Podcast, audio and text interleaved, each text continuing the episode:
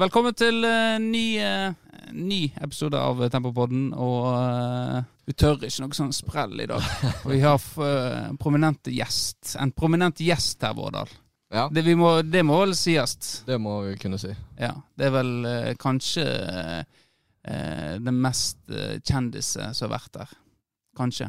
Det var voldsomt. Ja, kan, kanskje. Ja, det er det. Ja, det Jeg er ganske- det. Jeg er ganske sikker på at det er det. Ja. Det er jo selvfølgelig Terje Ronsø. Velkommen skal du være. Takk for det. Du, jeg, Vårdal var jo tidlig ute om at vi skulle ha deg som gjest her. Og så jeg hadde jo ansvar om å, å booke deg, da. Så glemte jo jeg det, selvfølgelig. Eh, så min spurte har du spurt eh, Don Rogden, som du kalte han. eh, og så faen, det har jeg glemt. Eh, så sendte jeg melding, og du, du svarte jo kjapt. Du var på med en gang. Ja, dette var du med på. Ja da, jeg, eh, jeg, spurte jo når tid det var, da, og Ja. så når det var greit, så finner vi tid til dette. Ja, for det er nå om, eh, om Ja, nå om akkurat et døgn så er en viktig kamp i Florø ferdig. Eh, I morgen er det 16. mai. Eh, vi sitter her nå på søndag klokka åtte. Eh, I morgen skal eh, Florø møte Førde. Mer om det seinere. Men det blir en spesiell dag i morgen, blir ikke det det? Jo da, det blir det. det altså, det var jo en kamp jeg ikke trodde eller håpte jeg skulle få, få være gjennom den perioden jeg gikk inn til Førde. Ja. Så, mm, og hvis det skulle skje, så var det for at vi hadde tatt steg opp, og ikke at Florø kom ned. Så, Ja.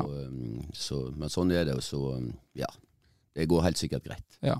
Vi kan snakke litt om det seinere, for det er ikke derfor vi har deg her, Terje. For det at uh, Dette er jo Tempopodden. Vi eh, snakker mye om tempo, og det er jo ganske lenge siden vi har uh, egentlig uh, dratt fram materien på en måte det gamle.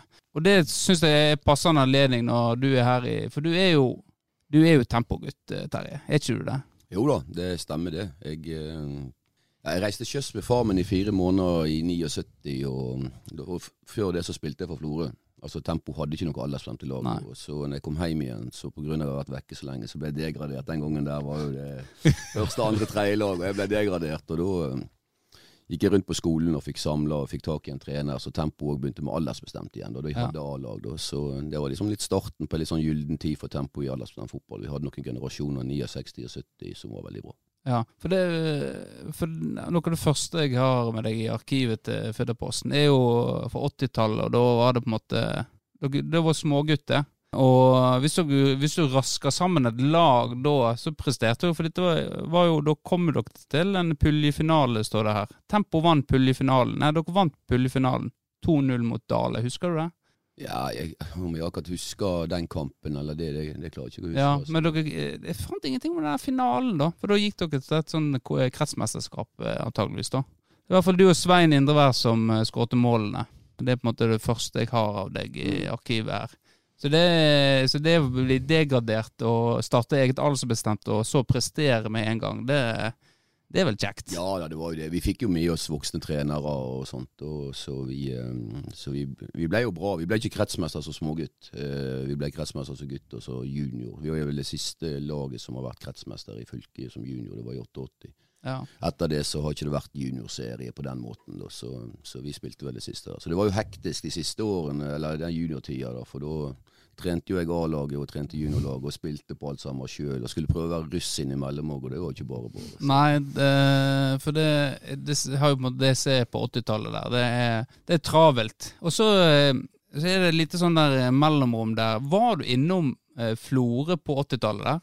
Ja, jeg var inne i 86-sesongen, det året jeg fylte 17. Så Ja. eh, vi var i andredivisjon. Da var jeg og Svein Indrevær over der og spilte ett år, og så ja, vi, vi, var, vi hadde det veldig kjekt i tempo, så det ble vel litt sånn det. Og så tok vi over året etterpå og trente A-lag og litt sånt. Vi hadde sånn blanda spilletid begge to den gangen der, og ja, ville heller over igjen. Vi, vi trivdes ikke helt med fotballen de spilte og litt sånne ting. Så sånn karrieremessig er ikke det lurt å gå ned igjen, da. Men eh, vi, vi fikk jo være med på en liten reise med å få tempo helt i tredje divisjon òg. Så, så sånn sett så var jo det artig. Men det var nok ikke det lureste du har gjort som fotballspiller å gå ned igjen. Det var det ikke.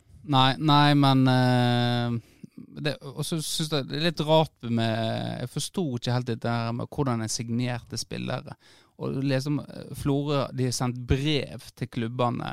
Hvordan fungerte dette overgangene? da? For det virker veldig merksnodig. At de sendte brev til x antall spillere, og så håpte de om at måtte Ja, det, det, var, det gikk i brev. Og Ja. så, og så, så, eh, og så fikk jo du kontakter. Så når jeg kom over i 86, så skulle Florø spille en, en kamp mot Førde på gressbanen, som flomlyskamp. Der de hadde, der de hadde holdt på å si, invitert både tempospillere og eikefjordinger til å være med mot. Da. Ja, ok. Og de hadde jo sendt brev til alle der. Og da var det, litt sånn, det er jo litt sånn bestikkelse i bildet i gode gamle dager. Og det var jo, eh, jeg fikk jo beskjed om etter den kampen der eh, at eh, gå nå ned og plukk deg ut et par par, par med fotballsko, liksom, og det kan du ta. Du hadde jo ikke signert noe. og og de tingene der, da. Så um, det var jo ikke helt etter boka alt. Og du ble lokka med litt sånn goder, eh, Ja. selv om ikke det var noe, noe verre enn det. Nei. Men uh, det holdt ikke. Det, det, hjertet lengta hjem til uh, tempo. Ja, det var det miljøet vi hadde vært i som Ja, det jo, var jo kompiser, og veldig mange av de er jo ekstremt gode kompiser den dag i dag. Så det liksom eh, Vi hadde et godt miljø, og kanskje var det litt for godt òg i forhold til å utvikle fotballspillere. For vi, vi hadde jo en del bra spillere, men eh, gjorde en del sånne feilvalg. Og de voksne rundt var gjerne litt for gode til å lokke oss tilbake igjen òg, så eh, vi gikk litt feil vei, en del av oss. ja. Ja, for det, det, det skinte litt igjennom på en måte i artiklene jeg har lest at eh, Nei da, de, de hadde ikke utøvd noe press, men det ligger jo veldig i kortene det at eh, jo, det hadde vært noe eh, press der, da. Ja da, det var det. Og det, det var jo litt sånn at ja, hvis dere ferier nå, eller hvis ikke dere gjør det, så dette hele greiene sammen. Det var liksom litt sånn alvorlig. Det, det har jo jeg hørt hos andre klubber seinere òg, da. Altså mindre klubber som sier at hvis den forsvinner nå, så ramler hele tingen tingene sammen. Og de gjør jo heldigvis som oftest ikke det. da. Ja. Husker du noe fra denne tida? Nei, du var jo ikke du, var ikke født. 89 var du Du ble født i 89, du. Ja, Ja. Så du har ikke hørt i et ord om uh, denne generasjonen her fra Leppa? Far din? Nei, han har ikke snakket så mye om det. Nei, det var mest volleyball. Mest, mest volleyball, ja. Ja. Ellers så, når jeg ser på en måte det tidlige arkivet, så har vi jo i eh, West County Gold. Ja, det var Floracupen. Eh, Ja. Det var jo et eh, jeg, ble, jeg tror jeg har vært med åtte ganger og vunnet åtte ganger. Så Ja. det har vært eh, liksom brukbar suksess, det. Så vi la på gold etter hvert. så det var litt sånn cocky og sånt. Men eh, ja, det var jo Rindheimen, meg og Indre Væren. Og så var vi heldige da at Stubbaugen som bodde på prestegården, han eh, fikk, hadde ikke lag der. Det var ingen, så vi fikk lov å ha han. da. Det var jo, det var jo sånn bydelsopplegg. Ja. inndelt. Så eh, jo da, så dette der var eh, hvert år. Og ene året vant vi, eh, vant vi og da fikk vi ha en sånn loddtrekning fra Flå kommune eller kulturkontoret. og Da fikk vi tur til cupfinalen. Det var vel Våle, eller Lillestrøm-Vålerenga, tror jeg, i Ja.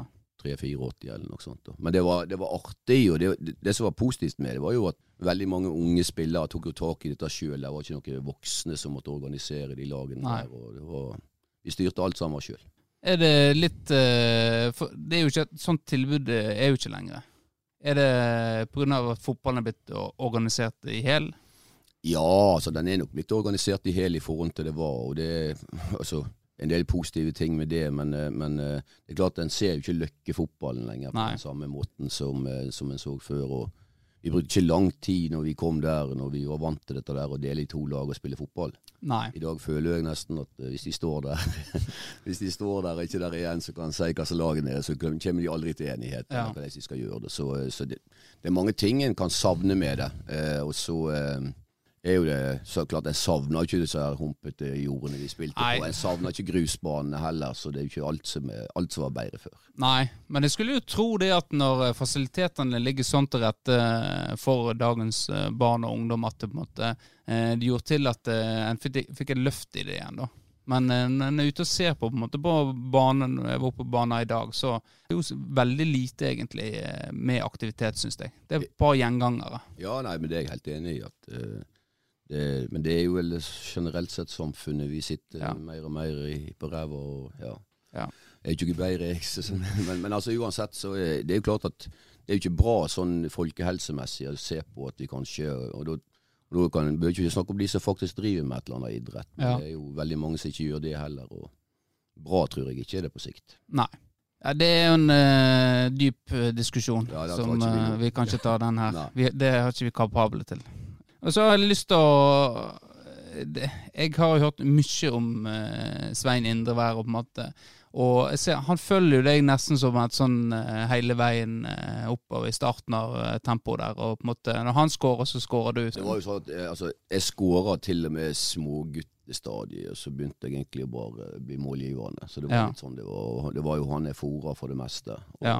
Så det var jo en veldig kjemi der òg, på, på altså, hvor han stakk hen, og hvor han fikk ballen hen. og ja, så det ble litt sånn der at eh, jeg spilte han igjennom, og det var ikke dermed sagt at han alltid var på blankkasse. Han hadde av og til en jobb å gjøre, Ja. det var han flink til, men, eh, men, eh, men som sagt så eh, så var det en kjemi der, og ja, den, den kom vel bare av at vi spilte mye fotball sammen. Ja. Det gjorde vi fra vi var fra vi var ti år gamle, så spilte vi på samme lag.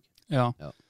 Hvorfor, eh, hvorfor hadde dere lyst til å måte bli trener? da? Liksom, dere ble jo A-lagstrener ganske veldig, veldig tidlig. Ja, altså jeg, tror, jeg er ikke sikker på om Svein hadde den. Eh, Du- du ja, presset med deg? Nei, det var vel mer sånn at eh, de ville ha oss begge tilbake igjen. Og Ja, jeg var vel kanskje litt en sånn annen type enn han på dette. Da, så, eh, så jeg tenkte ikke noe på, på å være trener, men jeg så heller ikke noe problem i å altså liksom kunne være det. Altså, ja. Selv om at eh, det en kunne den gangen er forholdsvis begrensa i forhold til det en kan i dag. Så, Ja. ja. så, så eh, var nå det en start. Og så var du spiller, spiller sjøl òg, og det var jo ikke helt det, det mest ideelle, da. Det Nei. skal du ikke legge skjul på, i hvert fall ikke når du er en av de yngste på laget, og du er trener, og du er ja, først i alt. Nei, det var ikke det, da. Men det, det var, du var gjerne det, tenker jeg. Nei, jeg var ikke, altså, jeg tok ikke, jeg var ikke noen sånn straffeskytter og noe sånt der. Så det, så det var ikke, og hadde ikke egentlig noe frisparkfot heller. Så indreværen sin var veldig mye bedre enn min. Ja. Så, det sånn. Så går du til Når du går til Florø igjen, da? Nei, da eh, jeg, jeg, Det var, putt på en jeg ødela ankelen min i Holmedal i 89, sånn skikkelig, og gikk jo på krykke et helt år. Og, Ja. og dette her var i april, og jeg fikk ikke med meg den sesongen i det hele tatt. eh, den neste sesongen heller. Altså, og så snakka jeg med Skulle jeg til Molde og studere. ja, stemmer. Så, eh, så tok jeg en eh, prat om at jeg kanskje trengte et miljøskifte, rett og slett. Og da hadde jeg ikke noe som når jeg var i militæret, så var jeg ikke trener heller. Så, Nei. Så eh, det var liksom med det der. Og Svein, han venta jo et år. Eh, Så det var, jo, det var jo litt ok å komme til Florø den gangen der. For det var et ungt lag med Jonny Langeland, Arve Søndervik og Stig Strømsøy, de som kom opp. Ja. Og det var vel Tor Veksten og med meg. Og ja, det var ikke så mange, Dag Rune Nygaard. Vi var ikke så mange igjen av den generasjonen som gjerne hadde vært før oss i Florø. Ja. da. Så det ga en litt sånn eh, motivasjon til å, ja, til å komme litt tilbake igjen. Og tre, fikk styrte treningene på, i, i Molde med, på studentgreiene der, og trente ikke med noe lag, men eh, vi hadde jo fotballbane der oppe, så Ja. vi fikk organisert oss. Og jeg kom jo på første treninger der, og alle sto og så på hverandre, og etter det så trente jeg det laget. Det var eh, kjøpte inn kjegle og vester, sånn at det gikk an og Ja. Så du er, du er den typen som eh, at, det, at ting må skje, altså? Ja, det tror jeg alltid har vært. At jeg ikke Altså, vi må sette i gang, altså stå der og ikke ja. Så det tror jeg egentlig, selv om det kom en som sa at nå måtte alle bli pre presise og de greiene her, så tror Ja. jeg egentlig de fleste satte pris på at det var sånn. Vi gjorde ikke noe annet enn å velge to lag og spille fotball. Nei. Men det var en utfordring vet, når folk kom eh, 5-10-15 minutter for seint, og vi måtte hele tida utvide baner for Ja. flere. Så til slutt så sa jeg er ikke du artist nok, så får ikke du være med. Og det syns, tror jeg de fleste syns etter hvert var greit. Ja. Dette har jo vi slitt eh, litt med til tider i tempo òg. Den myndigheten med å komme eh, tidsnok. Ja, det er vel Tunes er vel verstingen. eh. Ja. Så det har vært- en gang vi har delt inn i lag. Yes, vi er like mange på hvert. Og så kommer Tunes. Endelig partall, og så kommer, blir det oddetall. Så er det egentlig alt ødelagt. Ja. Ja. Nei, og så er det det er, Jeg husker Løkkebø skulle en gang skulle være litt sånn eh, Skulle, skulle sette, sette foten ned eh, og være litt stram. Og, og Ole Kristian fikk høre det da. Jeg Vet ikke, var- du var vel kanskje med den gangen Ja i da. bilen som var for sein. Det stemmer, det. Fikk du, eh, følte du at eh, Da fikk du en respekt at greit, nå må vi kanskje høre på Løkkebø? Nei, jeg gjorde, jeg gjorde vel ikke det. Eh, men jeg, jeg tok nå det greit, for jeg tok ikke det så. Men eh, de andre som var med meg, da, reagerte jo på at Ja. eh, dette var litt i overkant. Ja. For han hadde gitt beskjed om at vi var for seine, og så hadde vel eh, Torbjørn litt sånn oppspart. Tenker at nå skal jeg virkelig sette en, og så ble det litt feil, da. Og Det er vel kanskje viktig for en trener og, og at uh, en kan ikke på en måte brenne inne med ting og så sprekke bobler. Du, eh, det er bedre å ta det tidlig og i, eh, egentlig i fredstid. da. Det er jeg ikke tvil om, men det er jo av og til sånn i denne her situasjonssporten at det kan gå ei kule varmt. og det er jo... Uh, Ja, det, Men igjen så er det sånn at jeg føler at uh, du lærer litt. Det, det er jo når du har holdt på lenge nok med det, da, hvordan du ja, skal håndtere det. Så jeg tror det gikk mer i kule før enn det gjør nå, for å si Ja. min egen del. Eh, og så Det med Indrevær var jo det at når han gikk til Florø, så var, var det krav nesten fra han at, uh, at Tempo skulle få noe igjen. Jeg vet ikke om du veit noe om den uh... Jeg, jeg hørte jo litt om det, men det var vel litt sånn at uh, Tor Reksten ble vel trener i, i, Ja. i, i, um, i Tempo, og det gikk noen den veien der. Men, men det var noe sånn direkte krav. Det kan hende det var litt sånn, litt sånn omsnakka, da, men, Ja. men eh, jeg veit ikke. Kjenner ikke godt nok til hvor mye dette der er, Nei. hvor mye er bare litt sånn snakkes. Men, eh, Snakkes, ja. ja. Men jeg tror jo at uh, Tore hadde lyst til å prøve seg som trener, og da lå jo den jobben ledig. Og da var jo Tempo i samme divisjon, ja. uh, og vi møttes vel i, på 16. mai. Uh. Det var jo det bildet som vi la ut på uh, Tempobånd, du og eh, Tore Håndbak. Ja, ja. Hvem vant? Nei, Florø vant. Ja, Håndbaken, da. Eh, Håndbaken ja, Det må være Tore, for i hvert fall. Selv om jeg er ikke sikker på at det var hans styrke heller. Men eh, nei, jeg, eh, jeg lurer på om eh, litt av den, den kampen nå, nå Jeg vet ikke om jeg hadde ansvar for Florø akkurat i de tre, tre uker der. Jeg tror jeg vet ikke Hvis det var det året Per Øyvind var trener. Et, eh, akkurat det jeg har, ikke, jeg har ikke gått så i nei, materien. Nei, men i hvert fall så, så ble han inn på sånn rapp i tre uker. Så, så, så jeg tror det at det var et eller annet der at jeg hadde ansvar for et eller annet der. Og, Ja. så, men, men. Vi hadde jo en kamp Jeg har også spilt 16. mai mot Florø for Tempo. Ja. Og da tapte vi 1-0, mener jeg. Så, Ja. så Flora har vunnet de to 16. mai-kampene, og jeg har vært en gang på hver sin side. Ja. Ja. Men det var, den tredje divisjonen, der, der var vel eh, Tempo, Florø, Eikefjord, Svelgen. Ja. Det var andre tider da enn eh, det er nå. Nå er vel Svelgen, Eikefjord og Tempo i, i sjette. ja, ja, ja, ja. Det var eh, altså jeg gikk i fjor, Hvis du ser på det, ja, slutten av 80-tallet, de hadde jo fantastisk mange bra Ja. spillere der inne. og De, de kom nye hele tida. Det var- hjalp jo selvfølgelig med noen hopen der inne. Det var jo Ja. bare tre av de, tror jeg. Så. Ja. Så de, og de var jo flinkere enn jeg syns vi var her ute i Florø til å få spillerne videre. Altså, Ja. Det er ikke tvil om at de var. De, eh, de eh, her ute hadde vi mange som lokka og lurte å bli noe igjen Ja. Og, ja. Det er ikke sånn i dag, men det var litt sånn da. Og det Ja. tror jeg er litt av grunnen til at ikke det kom opp noen fra, fra Florø Tempo-gjengen der eh, så tidlig. For det burde det ha gjort, egentlig. ja, for det er jo Det er jo snakka mye om før, på en måte, den generasjonen Vi kan snakke om det litt senere, men på en måte at hvorfor kom det aldri noen som eh, av den gjengen der opp eh, på Mm. et eh, høyere nivå?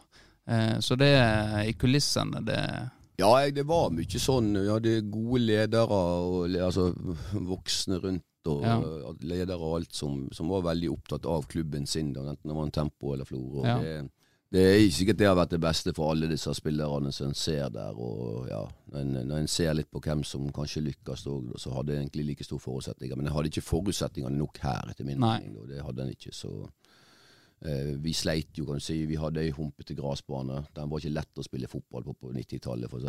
Og, og så var du grus. og Det var jo en del andre klubber da som var kommet lenger. Sånt. Når jeg var i Molde og studerte, så trente jeg på kunstgras allerede da. Sånt. Så, det, ja. så vi lå litt sånn bak. Ja. Så øh, var du i avisa da øh, i forhold til med tempo at nå, nå ryker Nå har ikke noe tilbud lenger, egentlig. For det var for få folk eh, til å på en måte kunne ha lag, da. Det var vel dette her med Det var vel en i fjerde div. Mm. Eh, lå, lå stabil der litt, og så på en måte var det, sa det stopp, egentlig. da. Mm. Mista plassen, og eh, det ble laveste nivå. Og da eh, du, Hva skjer litt uh, da? For da uh, gir du vel kanskje deg litt? Eller begynner på, på FSK, da. Nei da, jeg, jeg, jeg, jeg ga meg da. Jeg skada meg eh, så jeg slutta i Florø, rev korsbåndet. Så var jeg inne i tempo og trente de ett år, tror jeg, i 95. Ja. Skulle vi rykke opp igjen i tredjedivisjon. De var i fjerde. Eh, Vi klarte av en eller annen utrolig prestasjon å ikke rykke opp uten å tape en kamp. så det var ja, eh, det er jo godt gjort. Ja, det er godt gjort. Og det var to som rykte opp òg, så er det ganske spesielt. så det var, eh, ja, vi hadde altså ja, vi hadde sju uavgjort, og det var en uavgjort for mye, rett og slett. Ja. Så, så litt sånn prestasjon å ikke klare det, og da, reiste ganske mange vekk. Og jeg sjøl eh, hadde fått meg jobb for et par år siden, og det ble bare mer og mer jobb. Og så skulle jeg plutselig til å bygge nye byggevarehus og de tingene der, og da ble det Ja. Så da, da ga jeg meg, og da var ikke jeg involvert i fotballen igjen før jeg var inne høsten 2001, og Florø tror jeg hadde lå i andre divisjon. Jeg var trener den høsten. De hadde fem poeng til våren. og Sparka trener, jeg kom inn og prøvde det. Vi fikk 20, men det holdt ikke. Så, Ja. er det sånn da. Så, um, ja. Og da var jo Florø, eller fotballen her ute generelt sett langt nede når Florø Ja. gikk ned. og det er jo det mange snakker om, den berømte svenske tida. og- Ja, for det lurte jeg på eh, For det er jo eh, lagbilder der, og der står det på en måte eh, sportslig leder Terje Ronsø. Og hva, hva, som skjedde egentlig under deres Kom du inn etter det? Nei, altså, jeg, jeg kan ikke huske det. Har jeg vært sportslig leder i Florø? Det sto det. det, men for Federposten gjør jo litt rare Ja, ting til tider, så Nei, jeg var trener det halvåret i 2001. Ja. Egentlig da så var jeg litt sånn sjokkert over holdninger og litt sånt i den gruppa. Det er greit de hadde hatt en tøff vår, men jeg var likevel litt sånn sjokkert over samholdet, holdninger og alt. Så jeg, jeg liksom tok på meg den høsten der, og så eh, Det var jo et forsøk på å redde det, og så klarte ikke en, klarte ikke en å redde det. og Så, så jeg hadde ingenting med noe spillerlogistikk å gjøre. Men det var, jo, det var jo veldig mange spillere som ikke hadde noe tilhørighet til her. og ja, jeg syns ikke miljøet i gruppa var så veldig bra. og sånn sett også, så, um, ja. så da var jeg liksom sånn at nei, dette gidder ikke jeg mer. Det er noe, ja. Og da var jo jeg vekke fra da til, eh, til jeg begynte å bli pappatrener i ja, lite grann, og så ble det mer og mer. Og så når vi bygde hallen, da, så gikk jo en sånn latent tanke om at kanskje et akademi eller et eller annet greier. Og jeg var jo i altså Da hadde jo tempoaldersbestemt òg, så jeg var jo i begge leirer. ja. Eh, Så jeg ville liksom ha dette på utsida, da, for at begge spillere på begge lag kunne være med å trene. Det var jo et helgebasert opplegg. ja. Men det tok jo ikke så veldig lang tid før vi, ja, sammen med Robert og sånne ting her, var enige om at uh, kanskje vi skal altså, lage Florø fotball da, som et sånt uh, brand. og ja, Jeg har jo hørt mange historier om de som skal, de som skal eh, få nye drakter og sammenslåing av klubbene. og Dette der ordna jo jeg og Robert nede på bua med et par pils. Så var jo enige om, eh, var vi enige om egentlig det meste. og Ja. eh, ja, Så vi begynte å diskutere draktene, så ville vi ha svarte shortser. For vi reiste jo masse på turneringer og sånt. og ja, de kan du slippe å vaske mellom hver kamp. Og, eh, det var liksom eh, mange sånne ting. Så vi valgte jo svart og blått da, som en sånn til, til Florø fotball. Og så skulle tempoet da fortsette med A-lag. Og grunnen til det var jo at jeg hadde lyst til at de trenerkreften, altså ungdommen eller unge og ungdommen i Florø, fikk det, det beste opplegget. Mm. At ikke det lå en konkurranse mellom klubbene som egentlig jeg mente. For det, altså, det er helt klart det er færre, færre som spilte fotball da enn det var når jeg sjøl vokste opp her. og Da var det egentlig ingen problemer med, med flere lag. Altså. Det var ikke det. Så um, tror jo at eh, ja, ja, jeg, jeg er ikke i tvil om at ordningen var positiv i forhold til det vi fikk oppleve i Florø de årene. Da, Ja. det er jeg ikke i tvil om. Nei, for akkurat i den tida der eh, når Flo fo- fotball oppsto, så var det Da hadde jo vi eh, lag, eh, som, og så var det På et tidspunkt så var det vel fire seniorlag på Flo fotball. Mm. Eh, så var det fem lag eh, i eh, på seniorfotballen. Da, der greit, mange av de jo, var jo ikke over 18, men på en måte, det var et tilbud da, til den gjeng der. Men sånn er jo det ikke lenger. Det er jo i, i forhold til eh, eh, folketallet sånn, så er det litt lite egentlig med bare tre seniorlag her, syns, syns jo jeg, da. Ja, altså, det er jeg enig i, men vi klarte i den perioden der når vi var oppe altså Vi hadde jo et lag i andredivisjon, et i tredjedivisjon og et i fjerdedivisjon. Og så Ja. et i sjette òg etter hvert, og så hadde vi dere. Så, men problemet er jo at altså, Clouet er jo at uh, altså, vi, de opplevde så masse, de gutta der med oss, at jeg tror det bare var kjekt å være med, selv om ikke alle kunne ha drømmen om å Ja. ja, altså De fikk være med på veldig mye. og Det savner jeg litt i dag, da, hvis du ser på hva vi holdt på med. Vi gjorde kanskje for mye av det. Altså Reiste rundt på turnering og alt, da, men eh, nå er jo det nesten helt fraværende. Så, ja. Og Det viktigste for oss i det greiene her var jo å få referanser sånn sportslig, og så var det det der miljøet som en bygde. da, så ja. Så jeg syns vi hadde et, et, et, et opplegg som den dag i dag blir sagt av både foreldre og spillere, at det var liksom høydepunktet Dana Cup. Eh, Vi var til USA, Ja. vi var liksom overalt. Og det er ikke noen plass lenger, så det, det, det reagerer jeg litt på. Selv om de siste to årene har jo vært pandemi, da. Men Ja, nei, det er jo sant. eh, Får håpe det tar seg opp litt, akkurat den biten Mm. der. Men det å reise så masse på de turneringene, sånn i forhold til økonomi og sånt For det, koste, det er jo ikke gratis å Nei, nei, langt ifra gratis. Så det, ja, det er klart det koster. Altså, vi skulle til USA, og vi Jeg tror, tror den gangen dette var i 2012, så tror jeg summen kom på rundt 10 000 kroner da for en spiller. Og det var jo, altså Når vi så amerikanerne som var der borte, så hadde de tatt, betalt omtrent mer for å delta. Altså. Ja. For der er, var jo trenerlønn og alt, alle, alle, sånne Såpass, ting, ja. så de måtte jo være med å betale på det. Da, så, ja, så kan jeg alltid diskutere om det var for, for dyrt eller ikke, de tingene der. Da, men, eh, og det er, jo, det er jo en evig diskusjon. holdt på å si. Ja. Hva skal du tilby? Og så gjorde en masse dugnad, og en hadde foreldre som var veldig til, til å bidra. Så ja, så, ja da, det gikk jo på en, eh, jo på en måte, men eh, det, kan, det er sikkert folk som sier at dette, alt dere holdt på med, det ble for mye.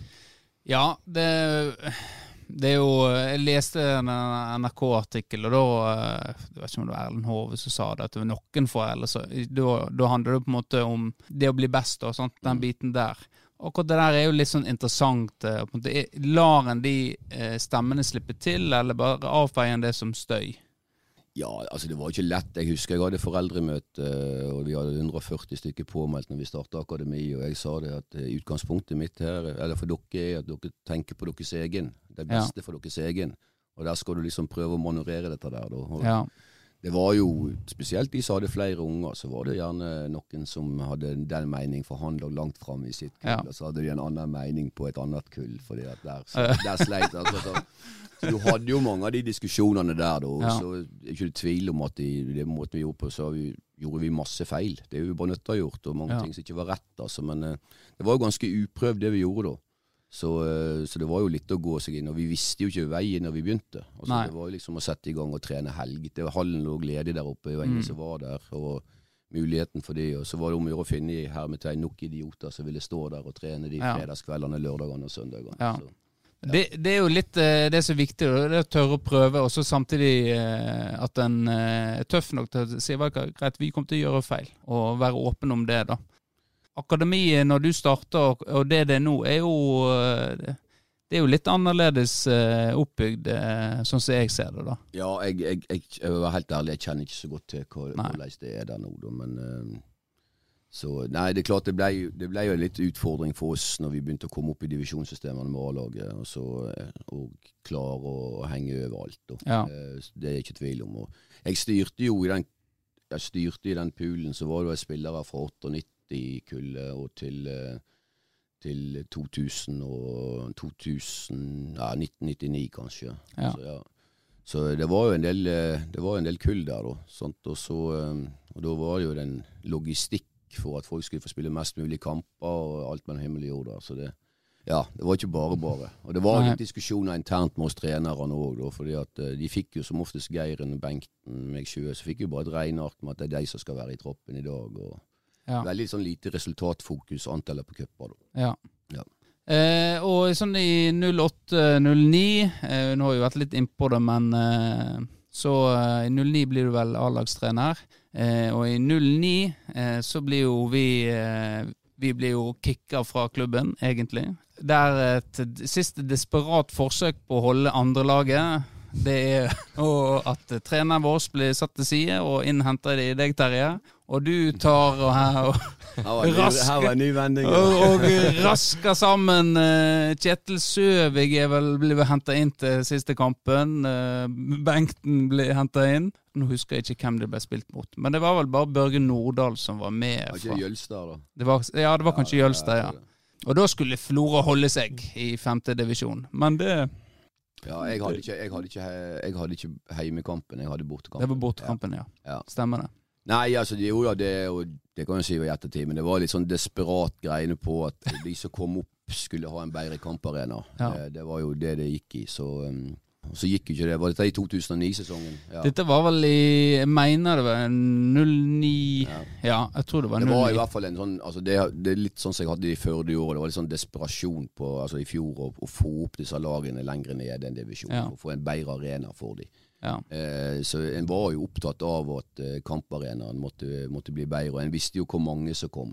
Så, det, så kan det godt hende at eh, sånn som det ble gjort, ble feil, og hvordan det ble kommunisert og, og alt det, det, det Jeg veit jo ikke alt om dette der. Da. Det var i hvert fall Nei, et sånt kjempeønske fra min side, husker jeg, når jeg skulle ta over der, og at vi skulle stå i femtedivisjon. Men det klarte jo eh, ikke de som jeg hadde med meg til Jølster, der, og så klarte faen ikke dere det helga etterpå. Så, så sånn sett, så ja. Jeg, ja.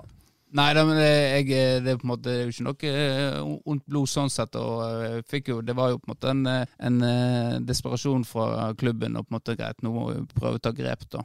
Eh, og Resultatet ble jo at vi start, eller på en måte vi spurte Robert Endestad kan vi få lov å eh, være under paraplyen til Tempo, og det var jo på en måte, gikk jo helt fint. Ja, det var det samme som jeg kom hjem fra Kjøsby med farmen. og Jeg var Ja. ikke fornøyd. Og Akkurat det, bare sånn. Det er jo helt likt den. Så det, Så, så det var jo bare men Det var, var litt artig, husker jeg, at nå, nå, eh, skulle Mm. komme der igjen, og nå skal Bengt og de, nå skal, vi, nå skal de, vi holde oss i femte div eh, med, med, men sånn er det fotballen. Det gikk jo bra likevel. Ja da, det gjorde jo det, men det er klart vi begynte altså, vi, måtte, altså, vi spilte jo da i den perioden der oppe på andre laget vårt, så vi måtte begynne i sjette. Sant? Så Ja. det, var jo, eh, det var jo opprykk hvert år eh, til de kom i tredje. da.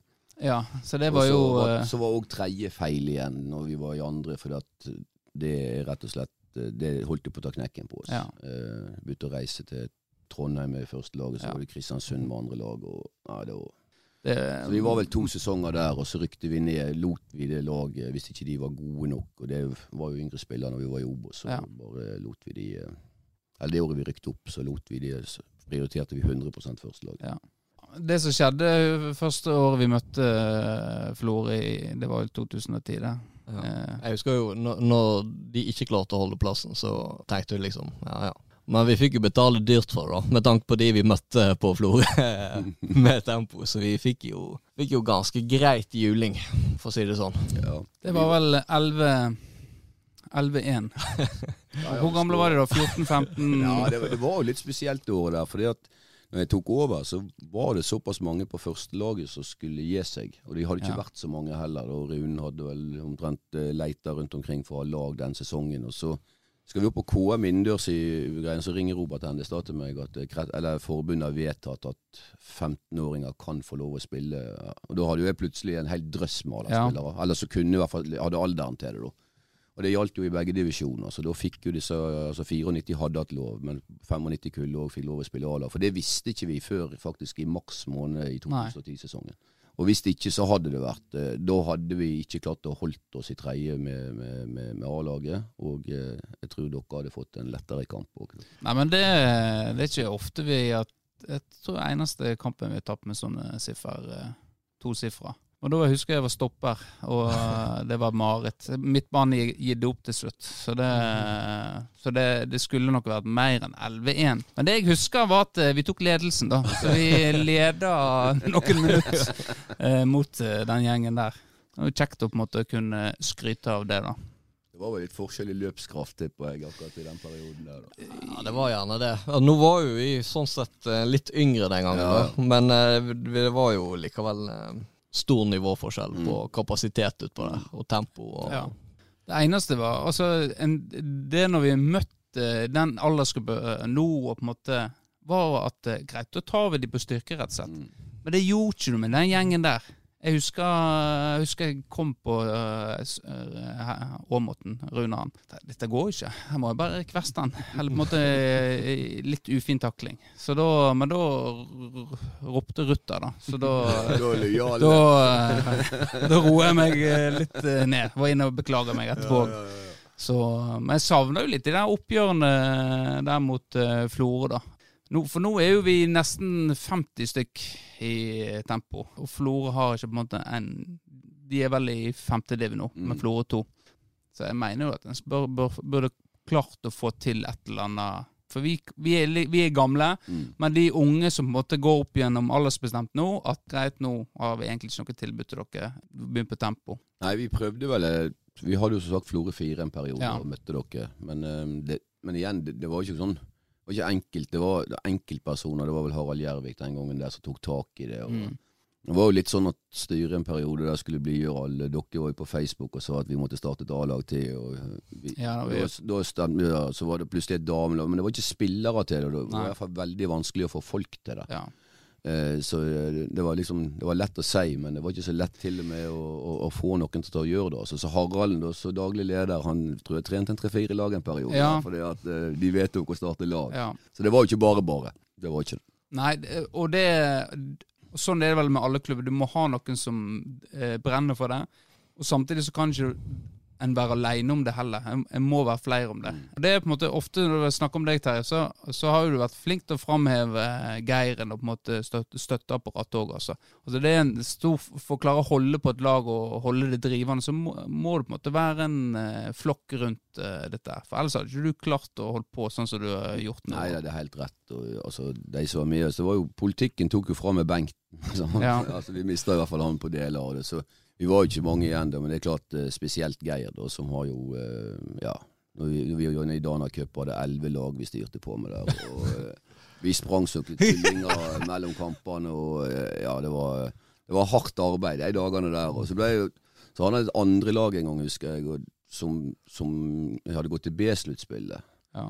De hadde altså vunnet, de vant tre straffekonker. Han ble jo ikke utslått der heller. Og så hadde vi førstelagene sikte, to førstelag til finalen, og etter hver Det var altså et Det var, et, det var en logistikk uten Ja. like. Så, så jo da, vi vi var ikke så mange etter hvert. Og det, ja, det er jo vanskelig å finne altså, i, et, i et totalt ulønna jobb å holde på sånn som vi Ja. gjorde. Det, det, var jo, det var jo bare fordi vi syntes det var ekstremt artig at vi gjorde det. Så var det av og til at det ble eh, Altså, det var, det var for mye. Ja. Ja. Men det, nå er jeg jo trener sjøl i barnefotballen, og på en måte det, når jeg har treninger og det, så jeg føler det gir meg energi. Et, når jeg er ferdig med treninger, så gir det meg et Mm. eller annet. At det har gjort noe. Jeg er ikke sliten eller det, men på en måte greit. Her har faktisk utgjort en forskjell. på en måte Ungene har hatt det gøy. Mm. Så det er jo gjerne det er jo den følelsen jeg higer etter, egentlig, og, og syns det er derfor det er kjekt å holde på med å trene barn og, eh, og den biten der. Og sånn er det vel kanskje Ja, ja, altså, jeg sier jo at å, altså, største privilegiet å være trener er jo at for det første så enten du er med unger eller greier, det er jo den der gleden og den der læringsvilligheten som du ser. ja. På seniorlag så kan det jo være eh, eldre folk, men allikevel så er de veldig mye yngre enn deg sjøl. Ja. Du føler jo at du er rett og slett yngre i sinns av å være rundt yngre folk. ja. Og eh, det er jo mange på min alder som bare møter jevnaldrende, kan du si, i sin hele hverdag. Jeg er jo rundt en hel haug med holdt på å si tullinger, det, det kan være veldig bra altså, for, for sitt eget sinne òg. Altså. Så jeg, jeg trives jo med det, og det var jo det jeg var mest redd for da jeg hadde tenkt å gi meg òg. Altså, akkurat det der miljømessige rundt det. da. Ja. Så um, ja, og da, um, ja, da er jo det alt. Altså. Det er jo ikke, du kan si at du holder på med mange ting, men det er jo mange ting, mange ting som du husker tilbake igjen på med artige turer og alt. Og selv om en veit en har reist ekstremt mye de siste, ti-tolv 10-12 årene. Så. Det er jo igjen de minnene sitter igjen med, og på en måte, så, sånn skal jo det være. Ja. Styret i klubben i 2010 de sa det at uh, pga. økonomi så må vi begynne å tenke helt annerledes. Og det er litt sånn rart paralleller du kan trekke da, fra svenske tider. Det fungerte ikke. Eh, og så, man, eh, så begynte det på nytt. Er Florø i en sånn posisjon nå? Nå beveger vi oss litt inn på eh, motstander i morgen, men kanskje litt vanskelig for deg å si noe. Men er, øh, det, er jo mange meninger om Florø-laget. Og er Florø kanskje en sånn posisjon nå at eh, de må tenke nytt, eller må de holde, holde ved det de holder på med nå, tenker du? Jeg var, jeg var redd det spørsmålet skulle komme. Ja. Nei, eh, nei, altså jeg er ikke enig i det de har gjort, men jeg skal ikke stå nødvendigvis og fortelle alt som er, som er gjort. Og, og har sjøl vært med på å gjort mange feil, så det er ikke det. Men, men du må ha, ha den Altså skal du få det til på, på mindre plasser uten et skoletilbud og alt, så må du ha virkelig noe i banken av yngre lag i alle, alle årsklasser. Ja. må, ja, det er eneste måten også, for du mister så mange på på, på skole og de greiene her at, eh, at du er nødt til å ha nok spillere. Eh, og det, det er vel det en kan du si, sliter litt med her nå. Da. Selv om det var kanskje eksepsjonelt det vi hadde med alle de spillerne vi hadde som hadde altså Det er ikke, gjerne ikke så mange som går ut når de er russ, er 20 stykker i et kull som spiller Ja. og, og trener daglig og alt, sånn som det var den gangen. der. Hadde, vi hadde jo gjerne 20 i hvert eneste kull. Som, som ikke la, ga, ga seg omtrent før de reiste herifra. Nei. Så har jo vi det her Florø-fenomenet at når de flytter herifra, så slutter jo de å spille fotball mange. Så trapper de helt ned. Ja. Ja, altså Det går mange i Bergen som da, når de først skal fortsette på noe, så er det på det aller laveste nivået. sant? Altså, ja, så Det er litt for få så, ja.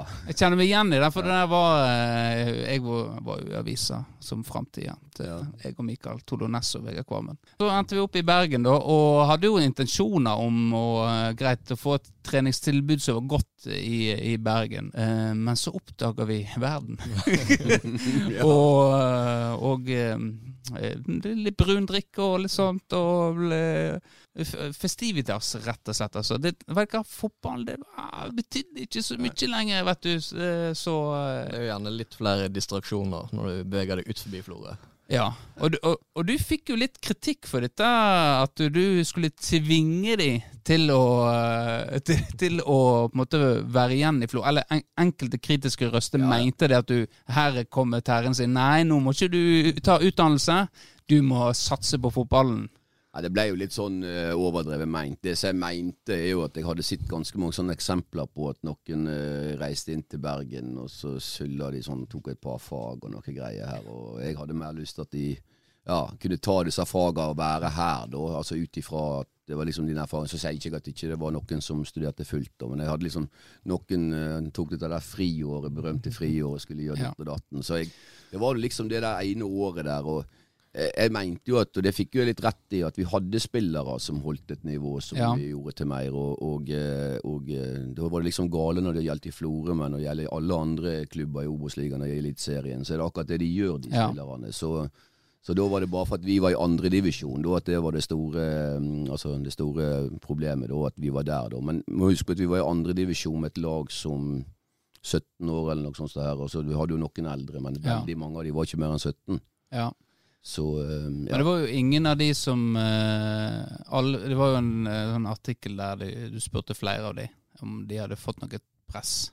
Var det et press fra deg? Nå må dere si at dere ikke har noe press. Litt sånn som gamle, det- det- gamle nei, opp nei, på 80-tallet der. nei, nei, det var, det var, ingen sånne ting. Nei, det var ikke det. Altså. Jeg, eh, det var bare en sånn generell betraktning at, at, eh, at ok, hvis du reiser og skal være, studere for fullt, så har ikke jeg det så store, store problemene med det. Men jeg hadde litt for mange som allerede hadde vært hos oss, da, som jeg følte Ja. liksom tok det der, Kanskje det første året etterpå så var det litt sånn hva de enn skulle gjøre. og Noen reiste litt, Ja. og noen gjorde ditt og datten. og Da håpte jo jeg at vi kunne ha de et år til, da. Eh, så det var liksom, Men det er klart det blir jo ofte blåst opp da når du sier det sånn. Da? Og så eh, var det, altså Forskjellen var at Florø og Sogndal for eksempel, var en divisjon, og der inne var det helt, der er det akseptert at de gjør det sånn. Ja. sant? Så, så ja. Og så, var det, så prøvde vi å legge til rette for utdanning i klubben, både med, altså med ganske mye, spesielt eh, når han hadde det, han Østremmen, så var det der. og Andreen begynte vel på, på den linja. Det var På subsiden, ja. ja. Subsiden, og han var litt eldre. så vi prøvde å legge til det nettkurs og litt sånne ting. Da, så, ja. så jeg føler ikke at det er noen av de Og vi hadde jo Erlend og Runar tok jo utdannelse. Den, det var jeg ikke så glad for, selvfølgelig, fordi det var utdannelse basert på at de skulle offshore. Ja. Så det syns jeg ikke noe om. Altså, var, altså, det var i hvert fall Jeg skjønte at det var retningen, og de har vel begge foreldrene det som holder på Ja. med det òg. Og Erlend endte vel der, så ja.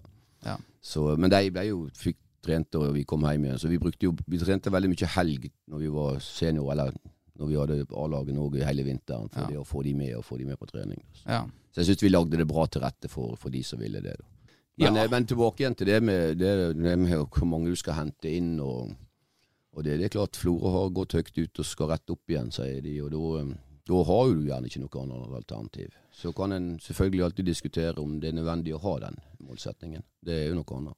Ja, for det, vi har jo snakka litt her eh, i, på, altså jeg, jeg har jo den formening om at eh, kanskje nå, eh, når pandemien slo til, at en rett og slett eh, begynner litt på blanke ark, ark da, og så bare greit, nå må vi få flest mulig inn i på en måte fotballen aldersbestemt. Eh, særlig aldersbestemt, for barnefotballen er ganske stor i, i, i Florø-fotball. Eh, mens det er på en måte når de kommer litt opp, der mister en eh, noe. Og da er jo på en måte den eh, Det som har, en, en har sett, da, er at det å ha store kull, det, det hjelper jo. Mm. Sant? Det er jo det som er med på en måte å få de her gullgenerasjonene, når du har store kull.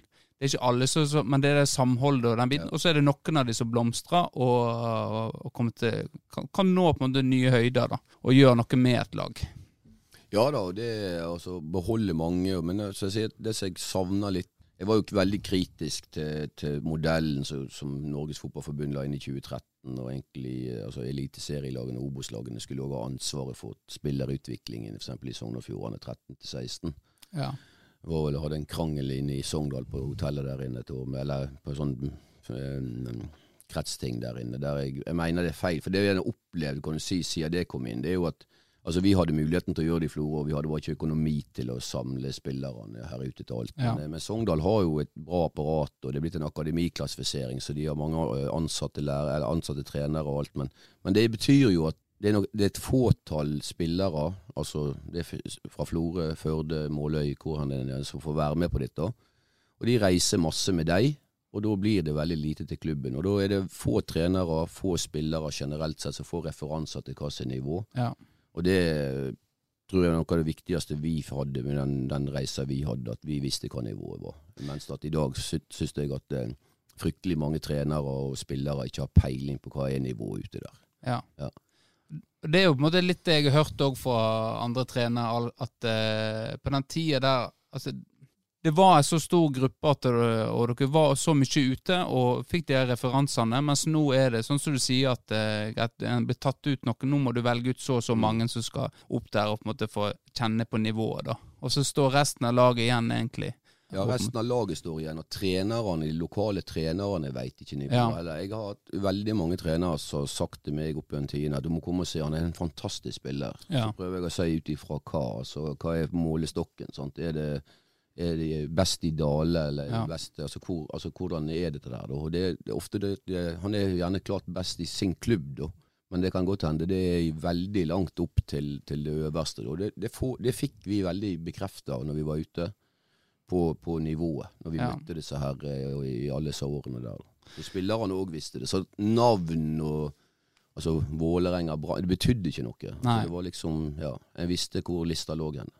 Og det er jo gjerne ikke det, den eh, du sender opp eh, på det laget som eh, 13-åring, som er den som kom til å bli den beste. Og det har jo du òg uttalt, eh, kanskje det var Geir som sa det i den NRK-artikkelen, at det på en måte Det var litt rundt halvår, da.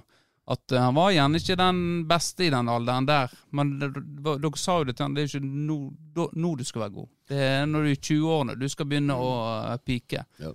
Og da mister du på en måte Men det er klart at det sikkert, var sikkert tøft for han, men, men det er klart at hvis en ser på, på, på Halvor som spiller, da, så er det liksom Bengt trener da, så skulle ha han som spiss, for det ligger jo i genene at de skal være spiss hele gjengen. Da, så, og det var ikke det. Han klarte seg bra, så det var ikke det. Altså, men, men han viste jo egentlig at eh, det var andre posisjoner han egentlig kunne ta mer av. Da. Og Så, ja, så, eh, så han var jo en av de som var eh, kan du si, late bloomer og kom inn i forhold til bare et par år før. Da. Så, eh, ja. så var det jo kjekt å se når, han, eh, når det tok litt av. Da. Så, så er det vel Nå er vel han i Bergen ikke spiller fotball, han òg, så det er, litt, det er litt trist. Det. Ja, ja, det er jo det. Han, eh, han gitt noe forsøk, og, og gitt det seg egentlig, da? Han var med med Frode, mener jeg. Ja, han var med Frode, så var det vel den han spilte vel til sommeren eh, Ja. det ene året, siste året til Frode, tror jeg. Ja. Så, så har jo han vært ute og studert igjen, da, så Ja. så, eh, ja. Så, men, eh, men, det, men det er jo en kjekk historie. Altså, han, han kom ikke med på ei gruppe på 30 mann på treningsleir til Tyrkia. og to, tre, tre år etterpå så er han vel en av de første du setter opp når du spiller Obos-liga, så det er jo spesielt. Ja, det er spesielt, og det er på en måte viktig å få fram, syns jeg òg, at eh, det prestasjonsjaget som kan være til tider med aldersbestemt at du, altså, Hvis du er altfor knallhard på det, så kommer du til å miste sånn. Så Halvor, Mm. som er late bloomer, og eh, som var så god som uh, han er, da. Ja, det er ikke tvil om det. Og Det var jo litt sånn i den tida der med Martin Ødegaard kom inn der som 15-åring og sånn, så folk Ja. var jo mange som omtrent følte seg ferdig som 16-åring hvis ikke du kom inn på A-laget da, sant. Altså, hvor god kan jeg bli da, da, sant. Og så, Ja. så er jo det stor forskjell på når altså den fysiske forutsetningen hele tida, når folk eh, tar det. Ja. Det eneste du kan egentlig jeg tar fotball på meg har noe tro på en spiller, det er først og fremst at han er interessert. ja. Ja, jeg tror at skal du bli god i noe, uansett hva det er i livet, så må du, må du være interessert i det. Ja. Og så har vi noen som spiller bra opp i systemet her, som ikke er så veldig interesserte òg, så det er jo muligheter for det. Ja, det, det, det er det. ja, så det var jo et eventyr. Eh, 15. oktober så eh, kom han opp i Obos på bursdagen min. Så. Eh, Det var kjekt. Slo Nessotra eh, på, eh, på stadion. Eh, det var en fest. Eh, Obos det startet jo knallbra og var en fest, det òg. Du, du snakker det her i hel, Terje. Eh, men det som jeg føler vi hva, hva som skjedde det på dette her andre året i Obos? Var det gnisten? Var det tilfeldigheter? Var det en, mange forskjellige ting som måtte gjorde til at ting ble som det ble? Eller var det rett og slett hadde en overprestert, kanskje? Jeg tror ikke han hadde overprestert. Jeg mener faktisk at uh, vi burde ha vært bedre første året. Ja. Uh, andre året fikk vi Vi mista jo noen spillere. Uh, altså mista Kupen òg, og du hadde ikke den farten oppe. Lykkes ikke med, med, det vi fikk inn. Vi hadde ekstremt mange og prøvde på det. Men, men nøkkelen, eller da jeg Jeg husker jeg sa det til Geiren òg, det var mot Mjøndalen i første kampen den år to, og spilte 1-1 der nede. Da hadde vi satsa på Ryland, og så røyk Ryland og Runar Hove Ja. i den kampen der. Og Det er klart at uh, Runar Hove Altså Sånne enkeltspillere var viktig, for vi tok vel ett poeng mer i snitt når han var på banen enn han ikke var på banen. Ja. Og det hadde jo vært, altså jeg sier at Hadde han stått én kamp til, så, så hadde vi kanskje klart det. Det var, Ja. ikke, det var ikke verre enn altså, som så, da. Men uh, så det handler litt rett og slett om at uh, ja, du, du, du var spillere der som kanskje ikke var helt klar for nivået, så måtte du bære det på en annen måte. Og, og uh, ja, vi hadde jo den vårsesongen der, så var ikke Runar på banen igjen før vi begynte og tok noen seire mot jeg tror det var i slutten av juni Ja. etter den første kampen. og Så røk han om sommeren igjen, og så var han inne i noen kamper og hadde store problemer egentlig hele tida. Men eh, vi ja, så i Sogn, vi sparte, vi brukte ikke han mot Ålesund fordi vi ville slå Sogndal. Altså, vi hadde to kamper som i utgangspunktet var vanskelige. Ja. Så eh, ja, og det, det forteller jo litt om å ha sånne enkeltspillere. Så hadde ikke vi noen, det var vel Halvor som var toppskårer, så vi hadde jo ingen som skåra. Ja. Eh, og det kan du si eh, Du ser på topplagene. Ja ja, City er jo kanskje litt unntaket, ja, men, eh, men, eh, men ellers så har de fleste en eller annen der oppe som, som setter det. og Så, ja. ja, og de ni kampene vi vinner, eller åtte kampene vi vinner, så er jo det klart vi vinner alle bare med ett mål i året der òg. Så, ja, så, og så slo vi de lagene vi vi kanskje ikke skulle slå, Ja. sånn som Viking her i Florø og sånt, og så taper nå mot de Åsane da, som Ja. lå rett over oss. Det var liksom den ene kampen der, da. Men, men det, det andre tinget som slår meg, er at vi bomma på garderober. Det er i hvert fall kanskje den største lærdommen min som, som trener fra det året der, er at vi, vi gikk fra å ha en, en sprudlende um, gjeng med, med noen klovner, og det har liksom alltid vært ok, Ja. så ikke det blir så stille, ja. ja, til å få ei vel- Kupen var jo det. ja, Kupen, Kupen kan jo si mye om. Altså, fantastisk på sin måte, men fantastisk i garderober Ja. rundt laget. Og, og litt sånn Runar og, Runar og Ryland ute var ikke der. Og vi hadde jo et par som vi hadde Lindqvist som vi hadde første året der. Det var noen eh, var ikke gode- kuler i kula, noen av dem. Men, men, men uansett så gjorde det at det ble en mer sånn Ja. levende garderobe. Det ble en veldig sånn taust, et taust lag, et taust garderobe. Ja. Og, ja. Så, um, så det er liksom jeg har tenkt på at altså, du skal se litt på, man ser litt på personligheter når du skal få inn i hvert fall, ja. Ser jeg noe i Førde, så er det litt sånn beskjedne gutter. Så fikk jo jeg inn han Kone som har spilt i Florø Ja. før, og det, han er jo en, en figur og altså lysner opp hele garderoben Ja. med, sin måte å være på. Da. Ja. Det er viktig å ha noen sånne. Og det hadde vi ikke den sesongen der. Det var stille, altså. Ja. Da kunne vi kanskje bidratt der. Jeg har har- jo prøvd å selge meg inn til Terje på bua noen ganger, uten Ja. hell. Du er ikke veldig sprudlende i garderoben du, eh, Vårdal. Jeg kan være det. Ja. vi har jo eh, Ja, vi hadde jo han, eh, til, en Lukas Havn som uh, sa det at uh, han var ikke langt unna en kontrakt med Florø. Jeg vet ikke om det var blesing eller om det var reelt. For han presterte jo uh, ganske bra på tempo en periode. Ikke Ja, det er vel flere som har sagt eh, at de har et kontraktstilbud fra Florø, som jeg eh, ikke nødvendigvis tror stemmer. Nei, for jeg, jeg veit faktisk ikke om en eneste en. Det kan, det kan i hvert fall være Det var ikke der jeg leita, for å si det sånn. Men, eh, ja. Nei, Men du vet, du vet, når vi kom opp, så var jo ikke altså, Vi hadde jo ikke noen sånn plan til å begynne med hvor du skulle havne henne på dette her. Det var jo, ja, så eh, det var jo at unge spillere fikk en fantastisk arena, fordi at plutselig var alle vekke. ja. Så eh, ja. Det var jo det i Obos. Du hadde Altså, alle var fra regionen, Mm. bortsett fra, fra keeperen, som står helt stille nå. ja Frenderup, ja. Ja, Frendrupen, ja. Og det var jo på en måte det tenkte, Dette er jo kjekt Kjekt å se nå. For det var jo det Sogndal egentlig jeg alltid hadde sett på de, men de gikk jo virker som de gikk litt vekk fra det. Det var litt sånn av og på akkurat den biten der. Men, men, eh, men Florø uttalte det. sant? Mm. det, det, vi skal være det laget. Eh, Og det har jo på en måte forsvunnet og av forskjellige grunner, sikkert. Men det er jo, det er jo godt gjort å få ja, det til. da. det, igjen så er du helt tilbake igjen til nesten det turneringsspillet vi var med på. Vi hadde jo av og til med å spille fra ja, ja, Høyanger, Eid, eh, Førde og sånt. her. Vi, altså, vi var opptatt av at de skulle få spille masse fotball, og da meldte vi heller på et lag ekstra. Og gjerne sto vi der litt og mangla Ja. et mann for å få det til å gå opp i alle disse her eh, klassene. og Fikk inn noen fra de klubbene der, og det er, jo, det er jo veldig mange av de spillerne som egentlig havner på det A-laget der noen Ja. år senere. Altså. Jeg skal jo ikke legge skjul på at når vi da spurte Eid, så spurte vi de beste. Ja. altså, det var noe sånn det var. Men, men det er klart at eh, når du hadde Altså, det var om å gjøre liksom å altså, De har påmelding, og eksempel til USA, da, så måtte Ja. vi få tak i noen for å klare å stille fire lag. Ellers hadde det vært tre lag med det Ja. vanvittig med innbyttere, det er ikke så kjekt heller. Sant? Så, ja. Så, eh, ja, da, så, så mange av de spillerne så jeg hadde jo veldig god kontroll på Eller i hvert fall i den perioden en fulgte Alderslund, så hadde en veldig god kontroll på, eh, på det som skjedde i dette fylket her. da. Ja. Ja, Etter hvert så begynte en å få ganske god kontroll i noen av årsklassene helt nasjonalt, og, Ja. for å si det sånn. Og Så treffer en jo på noen en får inn der, og så er jo ikke det alle så ja. Du veit jo ikke helt òg. De, de skal gjerne ta et nytt nivå, og du veit ikke alltid hvem som Nei. gjør det. altså. Det gjør du ikke. Så eh, det ble jo nedrykk, eh, og eh, da valgte du å gi deg. Det var vel kanskje bestemt før nedrykk òg? Ja, altså, jeg, altså Da når vi første året der, så det var et Det var, det var hektisk. Altså, altså det var Altså, siste året der så var jeg skulle jo, Hvis en ser på i ettertid, så skulle jo gjerne noen andre ha tatt over. da. Altså, Ja. Jeg gjør ikke en god nok jobb, jeg heller, i, i lag med alle. men hadde ekstremt mye å gjøre. I tillegg på jobben på idrettssenter, så var vi i den salgsperioden der. Ja. Så det var liksom eh, Ja, hvordan skal du rekke overalt? Og så, eh, så, så ja, og være på det nivået der og ha full jobb pluss en hel haug med andre oppgaver, kan du si. Det er jo ikke, det er jo ikke noen andre som holder på sånn. Og det var jo, ja.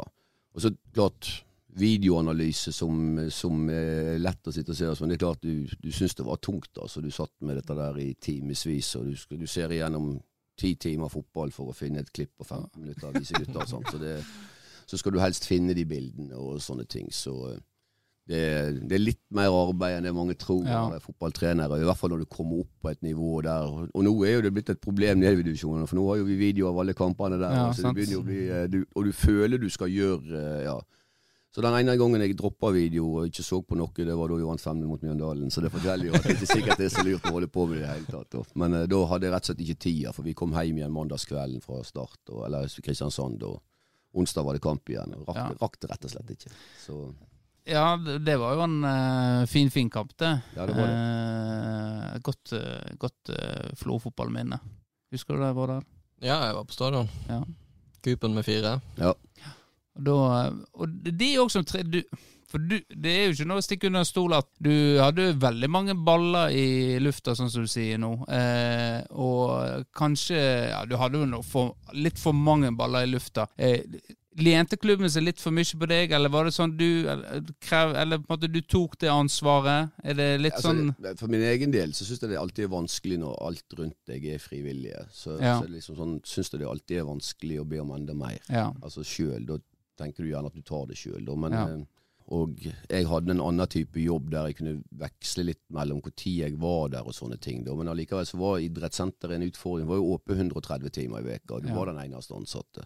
ja. Så det var litt mer å gjøre der enn Folkeklare Våg, sånn sett. da. Og eh, det var jo ikke fordi vi ville være 130, eller være en ansatt, det var jo bare fordi at økonomien begynte der, var Det var over, egentlig. Så det Ja. var jo en redningsaksjon som vi gikk inn og Fikk jo ordna det, i hvert fall. Og, sånn Ja. sett. Men det er klart, jo, du måtte jo prioritere. og Det var ikke enkelt å si at nei, du hadde ikke penger til vedlikehold. Du hadde ikke penger til de tinga som mange mente skulle være gjort. Nei, det Sånn? Så det, det var jo vanskelig fordi at uh, folk trodde det sto på vilje, og så sto ikke det på noe med vilje, det sto bare rett og slett på, på penger. da. Så, Ja. ja. Det var jo litt for Det er jo noe? Hvis du skal ha mer penger til, så må du i idretten sjøl Ja. legge ut for det, Ja. siden, siden det var vi som eide det. Ja. Så nei, det er nok Nei, jeg fikk til en redningsaksjon, og en, en har jo Altså, en endte jo opp på, på, på, på den plussida. Så har ikke jeg fulgt så nøye med hvordan altså, bruken og hvordan det er der oppe nå i forhold til den gangen. Det var jo veldig fritt, og det var jo et ønske òg. Ja. det så er jo bygget litt vanskelig. at Når du først slapp inn der, så var det vanskelig å låse deler av det. Ja. Fordi at eh, rømningsveier og alt. Og det var mange som sa ja, hvorfor, hvorfor står lyset på i fotballen? Det skal ikke stå på, sa Men det er noen som har gått inn der. Hvorfor låser ikke du da? Nei, det er rømningsveier, sa jeg. Så det er litt sånn eh, ja. Det var ikke like lett alltid. Da, så. Nei. Men, men en, en, det gikk jo. Men det, det ble mer og mer hektisk eh, alt, og for mange baller i lufta. Og så litt eh, Altså, vi ble ikke mer folk, for å si det sånn. Nei. Vi ble ikke det, da. Så, så eh, jo da, en skulle Og det er ikke tvil om i ettertid at, eh, at eh, vi skulle ha blitt mer profesjonelle. Men jeg var jo skuffa når vi kom opp, at ikke vi ble det. Ja. Eh, at, vi, at vi ikke klarte å komme opp på den økonomien som skulle til. da Ja. eh, for å få det til. Og da ble jo det litt sånn at meg og Geiren sa ja, ja, vi får nå fortsette som vi har gjort. Og så får vi prioritere spillere og, og lønn der. Og, ja. ja. Så måtte, fikk vi ansatt Harald som daglig leder. Da, og så det var jo stor oppmerksomhet rundt klubben. Vi hadde Ja. egne videosendinger og alt. Så det var jo Det skjedde jo masse, og en, en gjorde masse. Og Ja. så er jo det alltid diskusjoner om det var rett prioritering, eller en skulle gjort noe annet. ja. Det er lett å være etterpåklok. Ja, fryktelig enkelt. Det er Ikke, ja. Men er artig å diskutere. Men eh, så eh, Da var det vel eh, Gikk du til Sogndal med en gang etterpå? ja, jeg starta der inne. Du hadde ikke behov for noe fri og hvile deg litt? Nei. Nei da. Her eh, kjører vi på. Ja, ja, ja. ja. Og da, eh, når du gikk, inn, gikk til Sogndal, på en måte, hva, hva var tanken din da? Da eh, skulle du bli eh, daglig leder, var det vel, i Sogndal fotball? Ja, altså igjen kjekt å være i et fotballmiljø, og så uh, har jo jeg alltid meint at plassen og opplegget der inne har et enormt potensial. Ja. Uh, og det, det har ikke endra mening på, det er ikke Nei. det, altså. Men, men uh, ja. Men det ble jo, det ble jo et, et kort tid, da, men eh, det var eh, det var rett og slett når en plutselig finner ut at tallene er ikke så bra, eh, og det var ganske ille. Ja. Så det liksom satt der i januar, og det var ikke noe særlig kjekt. Og til lengre du kom inn i regnearket, til, til verre ble det. Ja. Eh, og så skal du gjøre ting. Da, da var jo prosessen på hvordan en skulle gjøre det, som egentlig en var uenig i. Ja. Jeg ville nok ta et mer sånn kutt og bli ferdig og start, Ja. Enn en den der kan du si løsninga de endte opp med, da. Ja. Og så ville jo jeg òg legge om systemet, så jeg syns jo de eh, Det tar jeg tar ikke på meg, men jeg, det, er jo, det er jo blitt litt sånn som jeg ville ha det nå. Ja. Så, så, så det er noe positivt, syns nå jeg. da. Og så eh, er det nyanser i alt, men, eh, men eh, Og da var det liksom sånn, skal du ta kampen Jeg er kommet inn her liksom, og var egentlig ganske godt ønska òg, så Ja. Og når eh, du da kom med Jeg syns ikke det var så, så dramatiske ting, så var en uenig, og da tenkte jeg ja, det er ikke verdt det. Altså, det var liksom litt sånn der livet er for kort til å ta Ja. kampen. Og ikke om jeg, jeg, jeg, altså, jeg var ikke interessert i noen kamp. Det var ikke Nei. derfor jeg hadde reist inn der. Så, eh, ja. Ellers så kunne en sikkert ha stått på kravet og vært vanskelig, og det hadde ikke sikkert hadde blitt noe bedre for den saks skyld. Så, ja. så da, eh, da reiste jeg ut igjen, og vi ble enige, og ja. Jeg betalte meg en lønn en måned, og jeg, så jeg sjøl sa opp, så syntes jeg det var helt greit. Det var Ja. noe ekstra. Ingen, ingen stor sluttpakke, så jeg vet mange rundt og. Det var det ikke. Jeg, eh, Det har vært dårlige forhandlinger. når ja, kontrakter. men det, når jeg sier opp sjøl, så syns ikke jeg at det skulle liksom få for, Altså, jeg sa opp sjøl fordi at vi var uenige, og Ja. ja. Det var jo synd, da, for det var jo mange som tenkte at nå, eh, nå skulle en få, eh, ha, en skulle få skikk på Sogndal igjen, og eh, få de opp i Eliteserien og bli stabile der, kanskje. For du hadde jo gjort underverket med Florø fotball. Så ble det, var, det var vel fire måneder Ja, jeg syns, jeg syns jo den dag i dag var synd. Jeg, Ja. Dette var noe jeg hadde lyst til, og på alle mulige måter. Og som sagt, en kom i en situasjon så og jeg tror, det var, jeg tror ikke det var sånn at Jeg tror det var overraskende for alle. Altså det, var, Ja. det var selvfølgelig ikke gode nok rutiner som gjorde at det ble oppdaga sånn som det ble oppdaga. Men, eh, men, eh, men eh, en var nok litt der, og så blir det litt sånn nok, altså, så, så slåss det jo en der er jo, Det var veldig mange ansatte der inne. Jeg fikk Ja. nesten sjokk. Altså, både på eiendomssida og alt. Og så, så mente jeg at jeg hadde et, et bra fundament for det. Og, og der. Men det ville jo kreve veldig drastiske ting. Ja. Ja, og så, eh, så ble jo det gjort selvfølgelig noen grep. Det ble det gjort, da. Men, eh, men, eh, men jeg ville gjøre mer, da. Ja. Ja, så det var, det var nå det det gikk i. Og så eh, har nå det ordna seg på en eller annen måte. De har hatt et par gode salg og der, da. Men fortsatt så er jo de på det nivået, da. Og det Ja. mener jeg at eh, med den økonomien Sogndal har, så skal ikke de være der. Nei. Nei. Så eh, etter det var det vel eh, stilt litt, ikke det? Jeg reiste rundt i Europa og så fotball. Ja. Ja, Det var deilig, det. Ja, det var Jeg, jeg tok det ganske med ro den uh, ut det året der. Og så kom jo Førde på banen uh, på høsten der og spurte, og så Hva tenker du med en gang når Nei, de kom? det var ikke aktuelt. Men, det, men det var ikke nødvendigvis for at det var Førde. Det, var- det var mer fordi at uh, jeg skulle liksom gi meg som trener. Og i hvert Ja. fall ha en pause fra det. Og da hadde jo du liksom Ja. Og det er klart, med en gang du gir deg som trener, så begynner du å se på hva du ofrer kanskje enda mer, når du begynner å se at nå må du plutselig fri hver helg. Og, Ja. Men så tenkte jeg ok, jeg tar et år. Ja. Eh, bare for å eh, Ja, for da Jeg skulle jo bygge det bygget mitt her ute. Det var ikke kom, altså, der og jeg kunne ikke sette i gang med noe annet og legge noen større planer før det var ferdig. Nei. Så da tenkte jeg ok, jeg kan uh, være med på det. Dette er et, ja. Fant et opplegg på det, og ja, det var jo ikke så mange månedene. Jeg holdt vel på i Begynte vi i januar, og i mars var det over med pandemi, og Ja. ja. og da var jo det Ja, det var jo en sesong som ikke ble noe av. da. Nei. Så eh, det var jo, det var jo noen treninger i veka du hadde der inne. Vi la en, I Førde la vi bare en plan om at vi skal prøve å få så, så flest mulig til å fortsette å spille fotball. Ja. Så det var, eh, ja. Og så var det som alle andre, så juksa vi litt på koronatreningene i perioder og sånne ting. Jeg vet Tempo var jo vel knallhard på det. Vi eh, var knallere på at ja. vi skulle ikke holde på med sånn tullegreier. Og- Men samtidig så har jo Vi har jo Robert Endestad som kretsleder, så vi kan ikke begynne å trikse med ting heller. For vi følte vi hadde øynene på oss. Eh, så vi, det fikk vi brutalt erfare når vi eh, møtte enkeltlag i den veldig korte eh, sesongen. da At her eh, Oi! Her, her, var det, her var det folk som var godt uh, trent og god, uh, god med ball i, nede i divisjonene. Så, så de, men uh, det var vel mange av de eh, som gjorde det. Og Ja, altså, jeg- kunne sikkert gjorde- snakke Ja, men vi gjorde jo det, vi jo på en måte. Men vi Ja. spilte vel fotball med litt sånn større bane, mer avstand, ikke dødballer, ingen sånne ting. Ja. Og litt sånn forskjellig. Da, så, så vi alle tilpasser oss litt. Grann, men, men jeg tror for, for Førde sin del, og ganske mange, og det er jo mange som har slitt med Mm. det òg, at folk ga seg da. At, eh, Ja. at eh, det var nødvendig å, å bryte det litt, i hvert fall. For det var jo like firkanta uansett hvor i landet du Ja. var. Sant? Og det var ikke alltid like nødvendig at det var like firkanta. Eh, det så vi stoppa noen uker de gangene eh, pandemien var så verst, f.eks. i Førde. Ja. Da, da droppa vi helt ut og Ja. ikke gjorde noe. Og så når ikke det var noe, så var ikke vi så engstelige for det. Og, ja. Nei, vi hadde jo eh, det var jo, Til slutt ble jo folk så lei at jeg sa at uh, greit, du kan få bruke treningstida, men eh, det blir ikke ei offisiell uh, tempotrening. Nei, det var mye rart uh, med det der sånn regionsmessig og det at Hvorfor skulle det være helt likt over hele Mm, landet? ja. Men Så det er jo deilig å på en måte være i gang igjen, da. ja da. Det var jo en Fjorårssesongen var jo spesiell. sant? Alle gikk og venta på Ja. at noe skulle skje, og du visste du var jo redd at det kunne gå til helsike, Ja. òg. Og det er klart sånn for Førde en del, og så missa en muligheten til å rykke opp det første året, for fikk ikke spilt. Ja. Og så skal du spille en sånn intensiv sesong der du, du kan ikke feile. Nei. Hvis du feiler en gang, skal, altså, en Ja. kamp, og det gjør av og til fotballaget, uansett hvor gode de er, så kan Ja. du gå på et smell.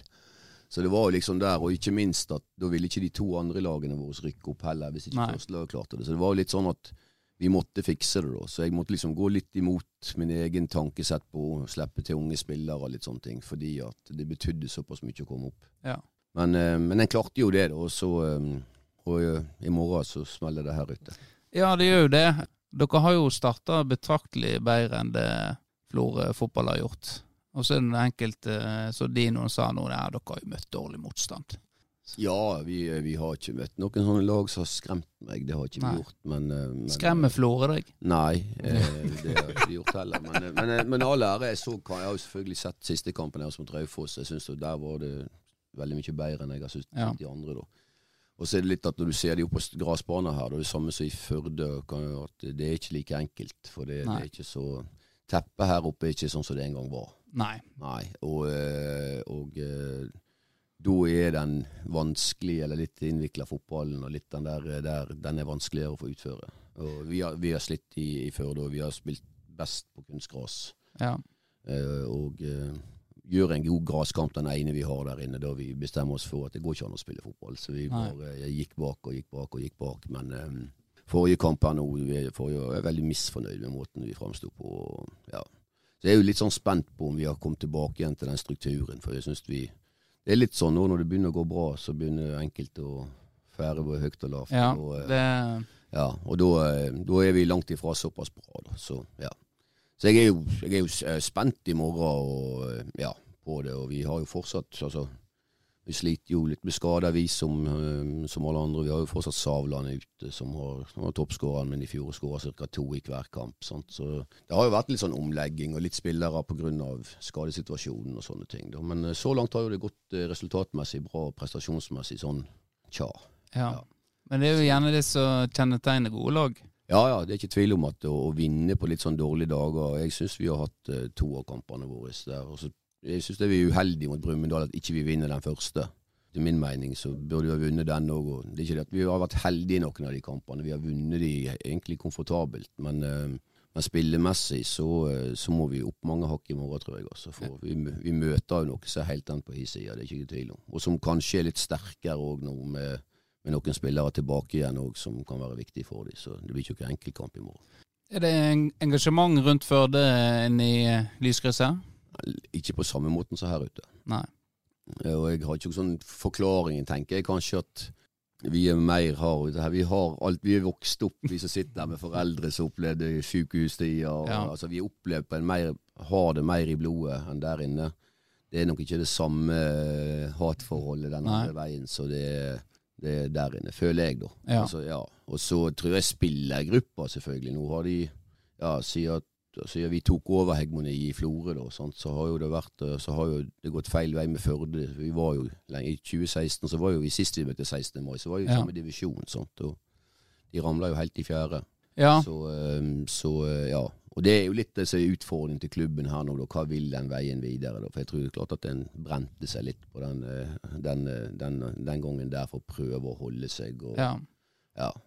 Og, og skulle helst opp igjen med en gang, og så gikk det to år, så var de nede NT. Sant? Så det, Det, er jo, det er jo ofte det blir sånn, da. At uh, det skal rett opp igjen. Rett opp igjen med en gang. Dette skal, Nå må vi bare kaste alt av ressurser inn for, nå skal vi rett opp igjen. Istedenfor bare å si vel hva, uh, nå hadde vi en fin uh, run, nå, nå må vi ta ett steg tilbake og se hvordan vi får det til på, på en måte som er bærekraftig. Mm. For det tror jeg er viktig i en klubb som Florø, at det er bærekraftig. Så er vel delte mening om det som skjer i Florø nå, om det er bærekraftig tenker vi må litt tilbake. Nå er jo, nå er jo det kommet flere unge inn, men samtidig så må du ha mange bak der òg, som kommer, kom seinere. mm. Det er ikke vits i å på en måte ha mange nå, og så plutselig eh, sprekker ballongen, og det er ikke, er ikke flere å hente av. Så må, skal du hente inn eh, spillere. Ja, men Det er jo positivt, sånn som i år, at eh, pga. skadesituasjonen deres, Ja. så, så har de vært nødt. Og det er jo bra for de spillerne. Mm. Det er jo ingenting du lærer mer av enn å bli kasta ut i det som fotballspiller. for å si det Nei. sånn. Så, eh, så det, det har jo vært positivt for de som har vært der. Og, og det er jo det som er ofte er utfordringen når du skal hente. Skal du hente inn spillere, så bør jo de helst inn på laget. eh, og så eh, står du der, ja ok, hvem går de utover? Og det er jo en hadde jo du hele veien, altså, hadde vi hele tida òg det. Ja. Altså, ja, vi hadde gjerne en mulighet til å hente en som var gjerne 5 bedre enn den vi ville gå for sjøl, og, liksom, og, og sånne ting. Da. Men eh, det er klart, de er, de er ganske mange utenfra. Og det, Ja. ja. Mange har prøvd det, og det er ikke så det er ikke så mange som har lykkes med det. Både i Florø, Førde, Stryn, Fjøra. Ja, Ja. Vi vet hvem som ikke har prøvd i dette fylket her, i hvert fall. Ja. Og det er vanskelig. Det ble jo en sånn ny dynamikk da, på 16. mai-kampen. Altså nå Førde er jo mye førdianere. Jo da, det, Eller- jo da det, den troppen der består jo av altså, to Florø-gutter i Stefan og, eller, ja, og Kim. Og så eh, er det en Høyanger-gutt i han Jakob eh, Bergseth, og så er det han Kone, da, som eh, Ja, han er jo ugander, men han er jo Florø Ja, hva han er for noe. Han er universal. Men, men, men ellers er jo det bare lokale gutter som har, som har spilt i klubben, i, altså kommet opp gjennom systemet. Og, og en har fått, en har bygd opp måten å gjøre det på i Førde, likt det vi gjorde i Florø. Altså, vi har ikke Asdal på samme måten lenger. Hvis en ser, jeg fikk i dag et sånt program fra 95, nei, eh, 2015, 16. mai. ja. Og så er bildet av troppen til Florø, da, så er det 45 gutter med drakt. sant? Det var jo altså, Ja. det var, altså, Og vi er litt sånn nå òg at eh, det, det går litt igjennom. altså. prøver å få folk til å Altså, de skal få, få tilbud, og det er ikke noe sånn tror det var, Før jeg kom inn, så var det mer sånn der er A-lag. Og, Ja. og jeg mente det var, hadde de ingen grunn til å sitte og skryte av inni der de spilte i fjerde divisjon. så, eh, så en har fått litt sånn, eh, litt sånn endringer i måten å trene på. Jeg har med meg en, en ung, ung, ung kar på 24 år som jeg mener gjør enormt mye arbeid. Ja. Elias Larsen heter han. Og han, eh, han får jo alle disse oppgavene som jeg før hadde i Florø. Ja. Ja, så han veit jeg har masse å gjøre. Ja. Ja, men han har jo sagt han skal lære, og da sier jeg ja, da skal du få lære. men det er klart han lærer jo òg da, spesielt på dette der med klubb, og jeg lærer masse av han òg. Han har jo vært i, i England på et akademi der og tatt utdannelse, Ja. så det er jo litt sånn spennende. Bra sparingspartner. Så jo da, masse Førde-gutter, og ja, og så er det noen i omegnet rundt. da. Ja, For det var jo en av styrkene til Florø, i hvert fall inntrykk av det ut av det, sånn i 16. mai-kampene. Fordi Førde var jo tradisjonelt sett et favoritter, et Mm. bedre lag enn Florø. Altså Dere slo jo de når de var topplag i andre divisjon. Ja. Jeg tenkte jo sånn at eh, en stor faktor var at her var det en gjeng med Florø-gutter Mm. mot en gjeng som Førde hadde henta Ja. rundt omkring. Ja. Og nå er jo det snudd. Men som sagt, det er ikke, det er ikke min fortjeneste 100 at dette har skjedd i Førde. Det var jo vel, Jeg tror nok etter det nedrykket deres i 2016, og så tapte jo de to kampene mot Florø. Slo jo Brann ut det året der Førde. fra cupen, ja, stemmer det. Så endte det med, med nedrykk, og så tror jeg at eh, de gjorde noen alvorlige forsøk på å komme seg opp igjen. Eh, og så eh, året etterpå så gikk ikke det, og så året etterpå der igjen, da, så var det nedrykk faktisk til fjerde. Da. Så, jeg tror bare, uten at, jeg, uten at de sier det direkte til meg, så har det vel svidd både økonomisk og alt, og at en ville da Så vi har snakka om litt, Ja. starte litt på nytt igjen og, Mm. og, og gjøre det på den måten der. Da.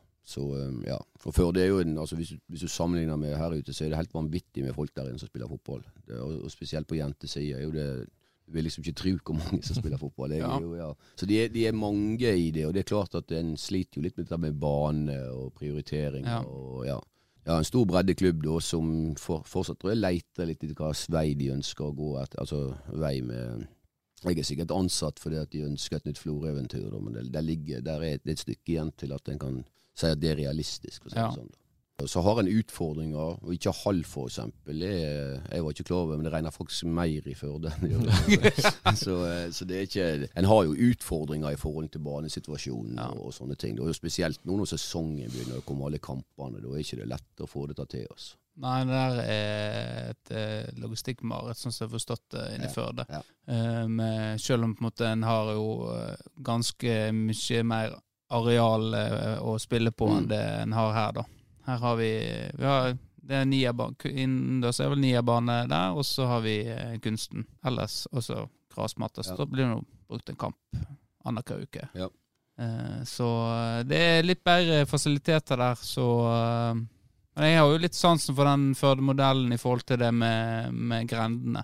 At det er de som har ansvar for eh, i forhold til barnefotballen. Her, Ja, det betyr, tror jeg, at eh, Jeg hørte tall at de hadde sånn ganske mange i hvert kull som spilte da, på de lagene der. Ja. Og det der er vel opp til tolv år. Og så har det sikkert, det har sikkert vært sine kamper der inne òg, for de begynte jo med litt sånn akademi for, for, for Ja. ivrige før. og det er, jo, det er jo alltid noen som mener det ene eller andre. Men, Ja. eh, men eh, en prøver jo, og så, så tror jeg at skal en, en altså, de, de snakker jo om hall og har lyst til det, og det tror jeg er litt sånn avgjørende. Så de som vokser opp i dag, eh, blir mer og mer ønska komforten på plass. Og det er Ja. klart at det, denne Hafstadparken er både våt og kald, for å si det sånn. Og Så, ja. Og så Samtidig så er det ofte noen grader kaldere der enn her ute. så Ofte er det litt snø og slaps, da. Og Ja. den undervarmen der inne har ikke de lykkes helt med. Så Nei, tror det er helt bom. Den tror jeg, ja, det er vel egentlig kjempebom, tror jeg. Så, Ja. Så De har jo hatt sine utfordringer der òg, så de, de har nok et stykke igjen på, på anleggssida der inne òg, tror jeg. også. Ja. Tenker vi, vi Nå er vi langt over timen her eh, og stjeler tida di, men eh, tror du at du noen eh, Jeg leste sånn innlegg på, eh, i Firdaposten òg at eh, en gang så kommer du nok tilbake til tempo som trener. Det var på Ja, 90-tallet. Ja, nå har Vi venter. en del med tempo.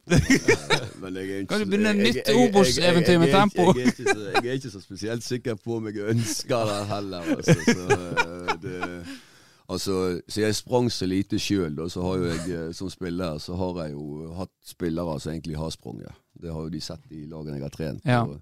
Det håper jeg en ser i morgen når Førde kommer her. Men, men, eh, men da er ikke jeg sikker på om jeg skal inn og begynne å kreve det. På, Nei. eh, på det. Så, eh, ja. Nei, så eh, En veit jo ikke, men, men jeg har nå har forholdsvis avslappa forhold til til det. Jeg har en avtale med Førde ut neste år, og så får vi se etter det om jeg ja, har liksom ikke hatt noe sånn Som sagt, var egentlig veldig ferdig med trenerjobben. og jeg tror det hjalp å få en pandemi, så jeg fikk litt lengre Ja. tid. Det tror jeg faktisk også. Men det er klart, jeg legger ikke skjul på det at når du er fullt i gang igjen her, så begynner du å se på kalenderen din, og så Ja, folk skal på det, skal du være med der, skal du være Ja, jeg har kamp. Jeg har kamp. Ja. Ja, og det, det var jo litt det som jeg syns, og spesielt når du var i Obos. Vi starta andre helga i januar og var ferdig første helga i desember. Ja. Så eh, det, og du har da ei uke ferie. Brutalt. Ja. Ja, det er i hvert fall sånn at det er ikke så mye annet du kan holde på med. Eh, og, det, og det er jo litt sånn nå òg, denne tredjedivisjonen her. altså Vi er jo sju turer til Østlandet, det er jo overnattingstur. Ja. Og, så det, det går jo mye tid med det. Det gjør jo det, da. Så eh, ja. Plussene er som sagt at uh, du får være rundt yngre folk, så du er litt yngre til sinns. Ja. Ja. Du har jo Vegard Savland i Førde.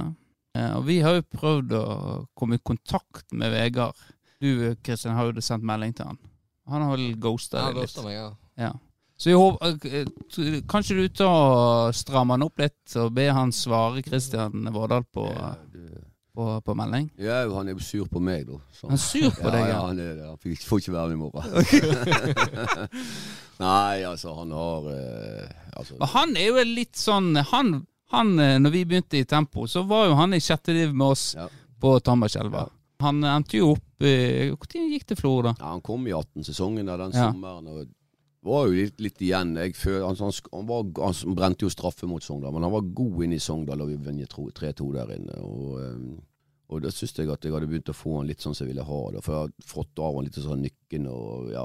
Så jeg syns han var god der inne. Den der. Så synd ikke han fikk det målet da. og Så hadde vi fri helg, helga etterpå, og da var det ei treningsøkt der. Og da røyk han, så han spilte jo ikke flere kamper Nei. for oss den gangen der. Da. Er jo litt sånn for skadeutsatt. og Ja. Det forsto jeg i hvert fall da når Frode hadde han òg, at det ene året der, at det var ikke så mange kamper du fikk Nei. bruke han da. Vi fikk bruke han i fjor, da, men i år røyk jo han i første seriekampen etter et kvarter. Og, Ja. Så, eh, så eh, han er jo, han er jo gjennomtrent, da, men det er jo veldig eksplosivt. Og, Ja. ja. Så, um, så han er på vei tilbake igjen, og så får vi se. Vi har jo en ganske tøff uke som kommer foran oss nå, med, med kamp både ja, i morgen og så, så torsdag mot Hødd, og så Volda på søndag. Så det er tre kamper på under seks dager. Ja, så det. det blir heftig. Så vi får se litt, grann, men, eh, men det er klart at alle har jo lyst til å være med her ute, og han er vel egentlig en av de som veldig har lyst. Og så, så han er ikke så blid på meg nå for at jeg ikke tar sjansen, men eh, det går jo rett og slett for å prøve å tenke litt Ja. lenger den kampen i morgen. for å si det Det sånn. er jo jobben til en trener. Det er det. Ja. det, er det.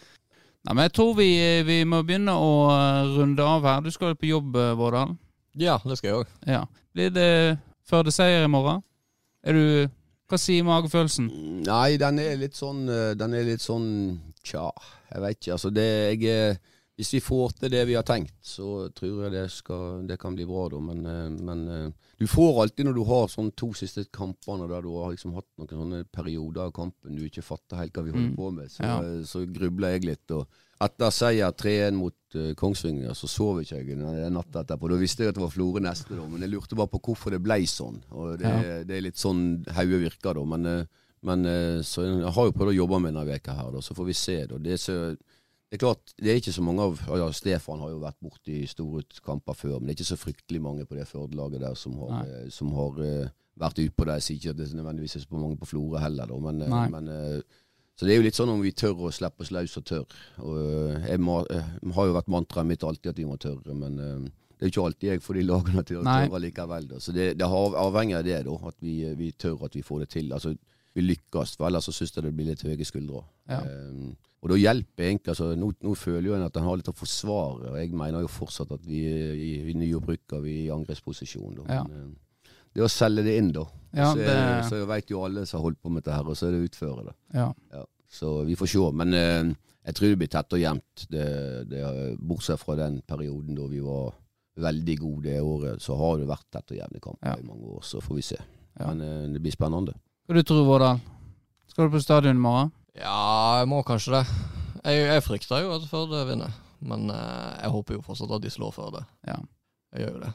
Nei, det blir, blir, så blir spennende, i hvert fall. Eh, Det er jo mye mer eh, Jeg hadde jo ufattelig mye på blokka mi her, men vi kan ikke sitte her i Det får, får vi dra med oss Roberten, eh, får vi snakke enda mer om gamle dager. Eh, har du noe du lurer på, når vi først har eh, Theis inn her? Hvorfor Nei, satser du aldri på meg? Eh, var ikke det et Jo, det, det har jo jeg spilt inn ganske flåsete Ja, det har du. Det har du. Og Ja. svaret har vel vært det samme. Jeg hadde vel rett. Det var jo, det var jo faktisk Jeg kom på det han Det var jo en periode vi hadde treninger på lørdager inne i gamlehallen. Sånn der futsal-greie. Ja. Og da hadde jo jeg vært innom bua kvelden før og, og skulle spille meg sjøl inn. Og så på dagen etterpå så kommer jo han eh, han, eh, det Henning hadde dratt med seg han Fred eh, Helge Kvammen, Ja, ja. Det heter. Ja. Og jeg, jeg vet ikke hvorfor jeg gikk på den treninga, for det burde jeg jo ikke gjøre. Og jeg var jo enda dårligere enn normalt. Så sist gang jeg møtte opp på bua da, så spille meg sjøl inn, kom jeg bort og bare Du, dette kan du bare spare deg. Jeg har sett deg spille fotball. uh, ja, blir det bua eh, etter kampen i morgen? Ja, Uansett utfall? Ja, ja. Det Ja. har jeg eh, lovt noen, at jeg skal stille der eh, med seier eller tap. Så Ja. skal, jeg, eh, skal jeg stille der og noen timer, og så ja. Det, det får det bli. ja. Nei, men Greit. Da eh, tenker jeg at uh, vi uh, takker for nå, Terje. Så eh, vi, vi kan ikke ønske deg eh, lykke til Nei, i det, det er morgen. noe tull. Det, det, er noe tull. Det er sånn ja. Treneren som ønsker hverandre lykke til. Ja. Det er jo bare tull. nei, det skal det er god kamp. Sånn, ja, god, god kamp, ja. Ja. God kamp. Tar en, god kamp. Eh, vi ønsker en god kamp, og Nei, jeg ønsker egentlig at før det blir eh, tatt. Vi gjør ikke noe. Det blir en god kamp. Nei, Altså, det kan det, da blir det en god kamp for oss. Ja, ja. Ja, så ja. Jeg ser jo det litt annerledes. Jeg, bare det der med seier og tap. Jeg vil jo helst se litt, litt på hvordan en vinner òg, eller at ja, helst vinner, da. Men Nå kom jeg på hva jeg skulle snakke om i stad. Eh, det må jeg bare. Tempo har jo Vi har jo satsing nå på å prøve å få damefotballen i Florø opp og gå igjen. Så hva bedre er det vel enn at Terrin, eh, når han er ferdig i Førde, eh, at han blir trener for dette damelaget? Dette må du legge i banken og tenke litt på, Terje. Det må du love meg. ja, altså det, jeg, jeg, har, for, jeg har hatt spørsmål jeg, om vi dametrener, men jeg, jeg, jeg veit liksom ikke jeg ikke Hva skal jeg snakke til dem? Skal du forandre Skal du forandre altså, Jeg er litt sånn usikker. Jeg tror jeg hadde mista alt av sjøtbytte. i kom der, altså. jeg, jeg veit liksom ikke språket. Nei, da må vi, da må vi Eh, Greit, da skal Og jeg trente jenter når vi hadde akademi og sånt, altså, men jeg, er liksom ikke helt sånn trygg på Hvis jeg har fått spørsmål om å trene damelag helt i toppserien for noen år siden, så jeg vet ikke hvordan jeg skal prate med deg. Jeg tror du kanskje det ble en Riise. Ja, det skal ikke jeg uttale meg Det skal ikke jeg uttale noe i det hele tatt. Men, eh, men eh, akkurat dette med hvordan du er altså Det er nå en forskjell, da. Ja, det er jo det. Hvordan du skal gjøre praten. Jeg er ikke Ja. Jeg sa jo sitt når dokumentarer med Riise. Ser du, Han sier det er ikke så enkelt når du ikke kan bare bure inn i garderoben. Du må ta hens, det, altså, det er sånne ting som jeg kunne gå lett ha gått på en smell Ja. på. Så, så jeg tror jeg holder meg unna, da. Så jeg har, nå har jeg holdt meg unna så lenge. Og, ja. Ja. Så øh, noen tips om trening, ja. Ja, men, det- men, eh, men Du kan ikke- bli en øh, La oss Sånn rådgiver oppe Ja. på hva Ja. Vi, kan, vi kan finne et eh, stort et, kvinnelig trenerpotensial, og så kan Terje være mentor Ja. for vedkommende.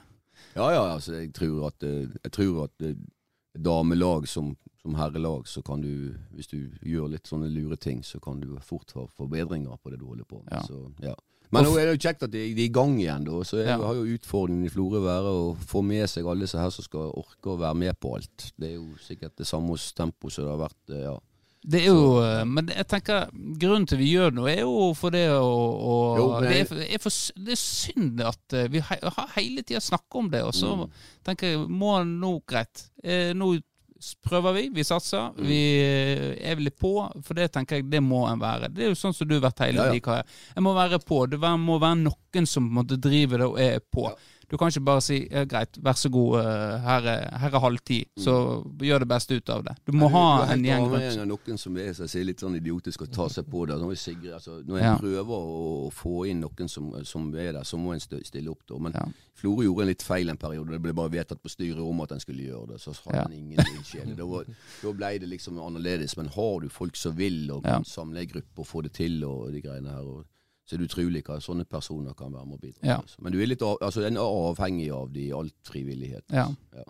Og det ser vi jo bare på uh, våre sjette div-lag. Altså, altså, du må ha en uh, gjeng rundt som på en måte tar litt an ekstra ansvar, da. Mm. Samtidig som uh, det gøyeste i tempo er jo det å spille og være litt idiot på trening. Mm.